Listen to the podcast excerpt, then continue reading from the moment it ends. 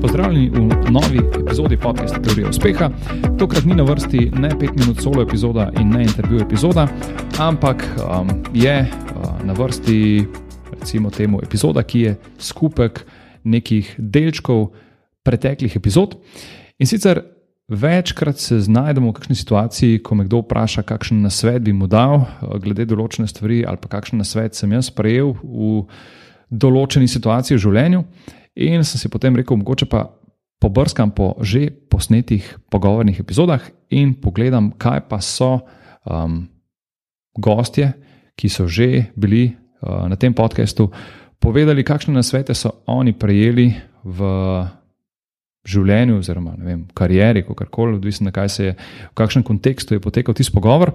In tako sem iz nekaterih uh, epizod izrezal ven delčke, ki so se nanašali izključno na, na svete, ki so jih gostje tega podcasta prejeli. Um, ob tem sem tudi nekako razmišljal, kakšen bi bil mogoče pa moj odgovor pri vsem tem, um, kateri bil pa tisti svet, ki sem ga jaz prejel, pa se je nekako zasidral v meni ali pa se mi je nekako od takrat naprej življenje v določeni meri spremenil, oziroma če malo citiram. Um, Riča Litvin, Litvina, ki sem ga že večkrat omenil na tem podkastu, um, on bi temu rekel, da dobiš tak insight, ko se malo zamisliš, pa rečeš, hm, in od takrat naprej je življenje drugačno. drugačno.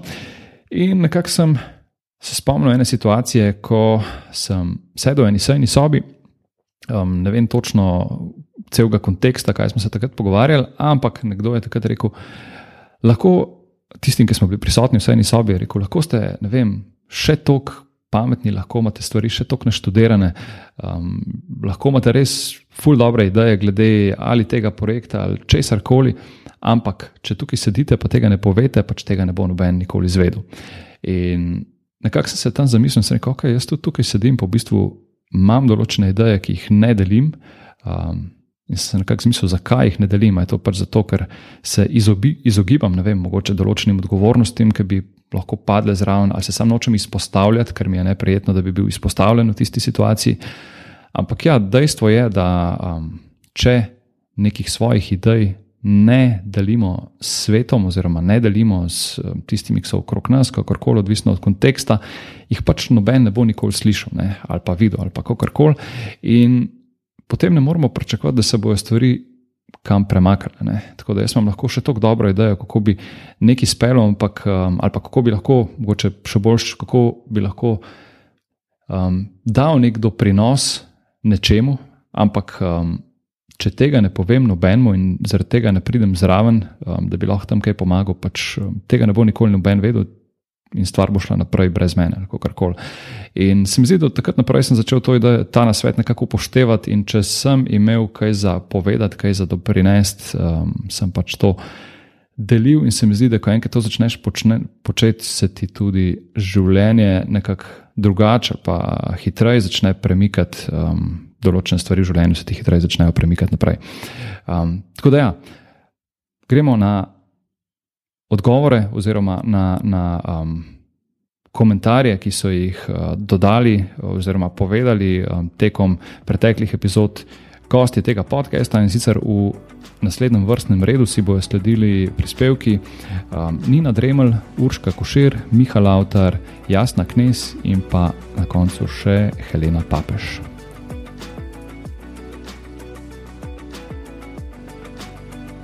V bistvu najboljši, najboljši na svet, ki sem ga jaz dobila, je prvo, v bistvu dva sta bila. Eno je, da nikoli ne čakaj, ampak odreagiraj. Se sem že po naravi tak, ampak to je bila še tista brca, ker je bila to pač v sosledju s Kejsem, ki smo ga imeli. Druga stvar pa je, ki je ful pomembno v poslu, pa je, da če imaš dober notranji instinkt, upoštevi ga. Nikoli se ne zmoti, predvsem v poslu, ko začutiš, da stvari niso ok, ne, ne jih naredi drugače, ker bo sigurno na robe, se pravi, treba tudi svoje intuicije upoštevati. To sta dve najpomembnejše stvari. Reakcija, pa v bistvu pametno odločanje. V zadnjem, v bistvu pred zadnjim letnikom faksa, no, sem si jaz takrat uh, malo vzela, ker glavno skozi to, ker pač nisem čist, uh, mislim, pravo kot pravo mi je bilo zelo všeč, uh, lepa ideja vse to, ampak me že mal dajalo, v bistvu tudi ta moja fotografska smer, mal sem bila v precepu, kaj je zdaj, kaj je kako. No, in v bistvu takrat sem si vzela, pol leta sem si vzela, prav sem šla pauzirati tisto leto. Uh, naredila sem vse spite za, pač za to, kot je bilo treba. Se pravi, potem sem imela eno leto frejno, v bistvu tistem letu sem šla jaz delati kaj odvetnici. Uh, in ta odvetnica je bila res krasna ženska, sposobna, imela svojo pisarno, uh, tukaj delala v centru Ljubljane. Se pravi, res je bila teh, tako kot rečemo, ta pravi odvetnik. No? Um, In jaz sem delala potem pa ne pol leta. Uh, tudi delo samo, vse mi je bilo všeč, vse mi je bilo tako zanimivo, mi je bilo izziv, je bil valjda si mlad uh, ti, in nekaj, kar si tri leta študiral in pomaš tam to v praksi, in tako padaš noter, in tako te potegne vse to. Uh, no, samo potem je bilo pa pač par stvari, je bilo pa že vmes, medtem ko smo delali, pa je bil kakšen primer, pa se je kaj zapletel, pa potem ne, pa sem rekel, ja, pa kako, pa to je tako v zakonu piše, pa to tako more biti a se je vedno tako malo smehala in rekla: Ja, višuška, ne. Nič so vse tako, kot se zdi v teoriji. Ne? Sej lepo bi bilo, ampak ni, ne? praksa je mal drugačna. Uh, no, in potem, uh, potem sem pa pač po pol leta, se je pa ta moja praksa pri njej iztekla. Uh, in sva se pa v bistvu me pa povabila na eno kavo, sva se usedla dol. In uh, mi je pa takrat, ja, mi je pa res, uh, me pa pač, uh, spravim, tako je bila kot neka moja mama, no, v tistem trenutku, tako taka materinska je bila zelo Uh, in me gleda in mi reče, uh, prav to je rekla Urška, če imaš kakršno koli možnost v svojem življenju početi še kaj drugega, razen prava, ti polagam na srce, izberi tisto drugo. Rekla, ker pravo je, tako kot sama praviš, je zelo lepa ideja, je uh, lep koncept, ima neko lepo osnovo, uh, ampak v praksi, pa sploh žal v Sloveniji, mehni smo, um, za pravo rabiš ti biti objektiven, ti če si mehen, pa če vsi vse poznamo med sabo, te objektivnosti žal ne more biti. Uh, en moj kolega, uh, takrat je bil moj mentor, sami Bogej, mi je rekel: Go to the beginner's mind and remember, this will save you and you will become a masterful coach. To je bilo zelo leta nazaj. In takrat, po moje, še nisem jih najbolj razumela, kaj on zdaj meni hoče s tem povedati: Go to the beginner's mind. Ne, torej, bod v tem začetniškem umu. Pak pol, ker pa sem, ker sem takrat se pripravljala za en izpit, ki je bil kar dost uh, zahteven, uh, sem pa ugotovila, kaj hoče povedati.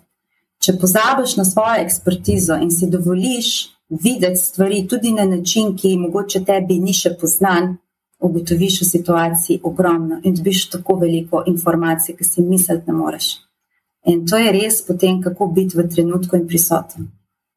In drugi na svet mi je dal drugi mentor, David Klattenberg, ki je rekel: You know, these tests, they are made for idiots because we cannot put a human psyche into a box, so don't use them. In jaz njega gledam, se hoče povedati. Pa sem gotovila, kako ima prav. Mi se v razvoju ljudi smo se vedno nekako oslanjali na ta psihološka testiranja, na te teste, takšne, drugačne, karkoli, kar, kar je bilo novega, si se šel certificirati, pa MBTI, pa SDI, pa Hogan, pa, pa disk, ni da ni. Ampak v resnici, ko dolgoročno spremljaš ne, in vidiš, kaj se je začelo dogajati, je ravno to, da ljudje smo nagnjeni k etiketiranju, ljudje smo nagnjeni k temu, da sodimo da primerjamo in seveda potem to, kar nam paše, vzamemo za svoj izgovor, da nekaj ne naredimo drugače. In to, kar nam ne paše, imamo za izgovor, da upravičuje naša, mogoče ne najboljša dejanja, akcija ali reakcija. Mm. In ker sem to nekako tako, najprej mi je bilo seveda oba ta na sveta malo težko prebaviti, ampak pa sem gotovila, wow, kako se osvobodiš in to je to, ne, beginner's mind kako se osvobodiš. Vzem to, kar je pred tabo v tem trenutku, ker ta trenutek je specifičen in jutri bo spet drugačen. In s tem se nehaš omejevati. Kar pa ne pomeni, ne, da, ne, da ne bom narobe razumljena, kar pa ne pomeni, da ti tisti niso uh, fajn, da ne dajo nekih informacij. Absolutno dajo, samo da mogoče je fino za tistega, ki jih interpretira, da se zaveda, uh, malce širšega dela, ne, da ima malce sistemski pogled na to, kaj so lahko morebitne posledice, zato bo bistveno bolj previden pri tem, kako bo kakšno stvar interpretiral ali pa kako bo kakšno stvar človeku, ki ga ima pred sabo tudi rekel. Meni izjemno težkem obdobju v življenju je ena gospa rekla: Veš, poglej pa, kaj je v tem celem dreku, v katerem si dobrega. Ksiher te ta drek ščiti pred enim še hujšim. In nam nikoli pozablja, to je bilo eh, 12 let nazaj, nikoli nam tega na sveta pozablja. To je bil najboljši na svet, ever. In takrat za mene najbolj pomemben, da sem res lahko videla, aha, da vse tisto, kar se je dogajalo, v bistvu je pravzaprav zaščita pred nečim, kar bi lahko bilo, če bi bilo. Ne, in tako ohraniš pa tudi ta nek uh, viro. Odvisno, z kakšne perspektive gledamo na situacijo. Ne? Ja, smo spet pri beginner's mind. Vidiš, kako je to dober, dober na svet. Jaz bi rekel, da predvsem to, da, da delaj, kar te veseli, da, um, da najdeš tisto, kar te veseli, ker če boš enkrat delal to, kar te veseli, pol ne boš delal, um, ampak bo to neka, da moramo reči, zabava v malem. Uh, Zmeri bojo težki trenutki v poslu, nikjer ne bo tako, da bo vse samo zabavno. To upam, da se, mislim, to vem, da se vsak tudi zaveda tega. Ampak važno je pa, da je saj glavnina zabavna in da imaš, da imaš na tej zabavi ta prave ljudi okrog sebe, se pravi sodelavce, s katerimi to zabavo deliš, pa žuraš. Če to, če to najdeš, si enostaven zmagovalec. Je, super. To so spet, uh, se, se lahko navežemo na tisto, kar so se prej pogovarjali, da ni tako pomembno, kaj, ampak s kom delaš. Ne? Res je.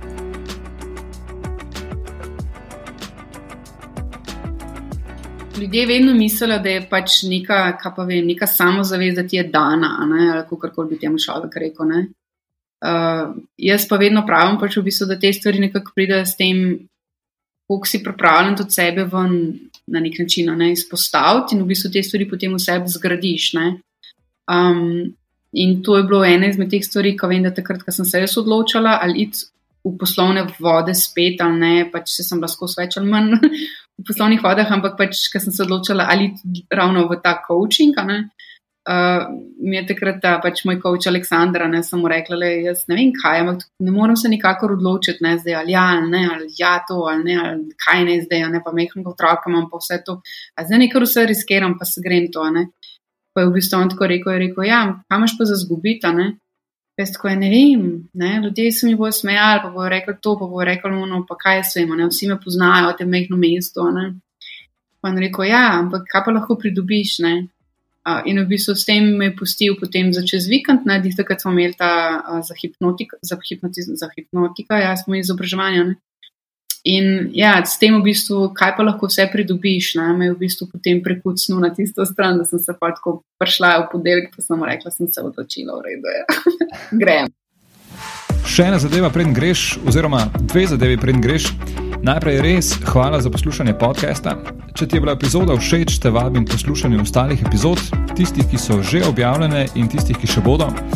Hkrati pa te prosim, da na svoji podcast platformi podaš oceno oziroma postiš komentar ali pa mogoče še več, da deliš podcast s svojimi prijatelji oziroma osebami, za katere meniš, da bi jih utegnil zanimati. In mi tako pomagaš pri širjenju prepoznavnosti podcasta. Še enkrat hvala in se slišimo v prihodnji epizodi.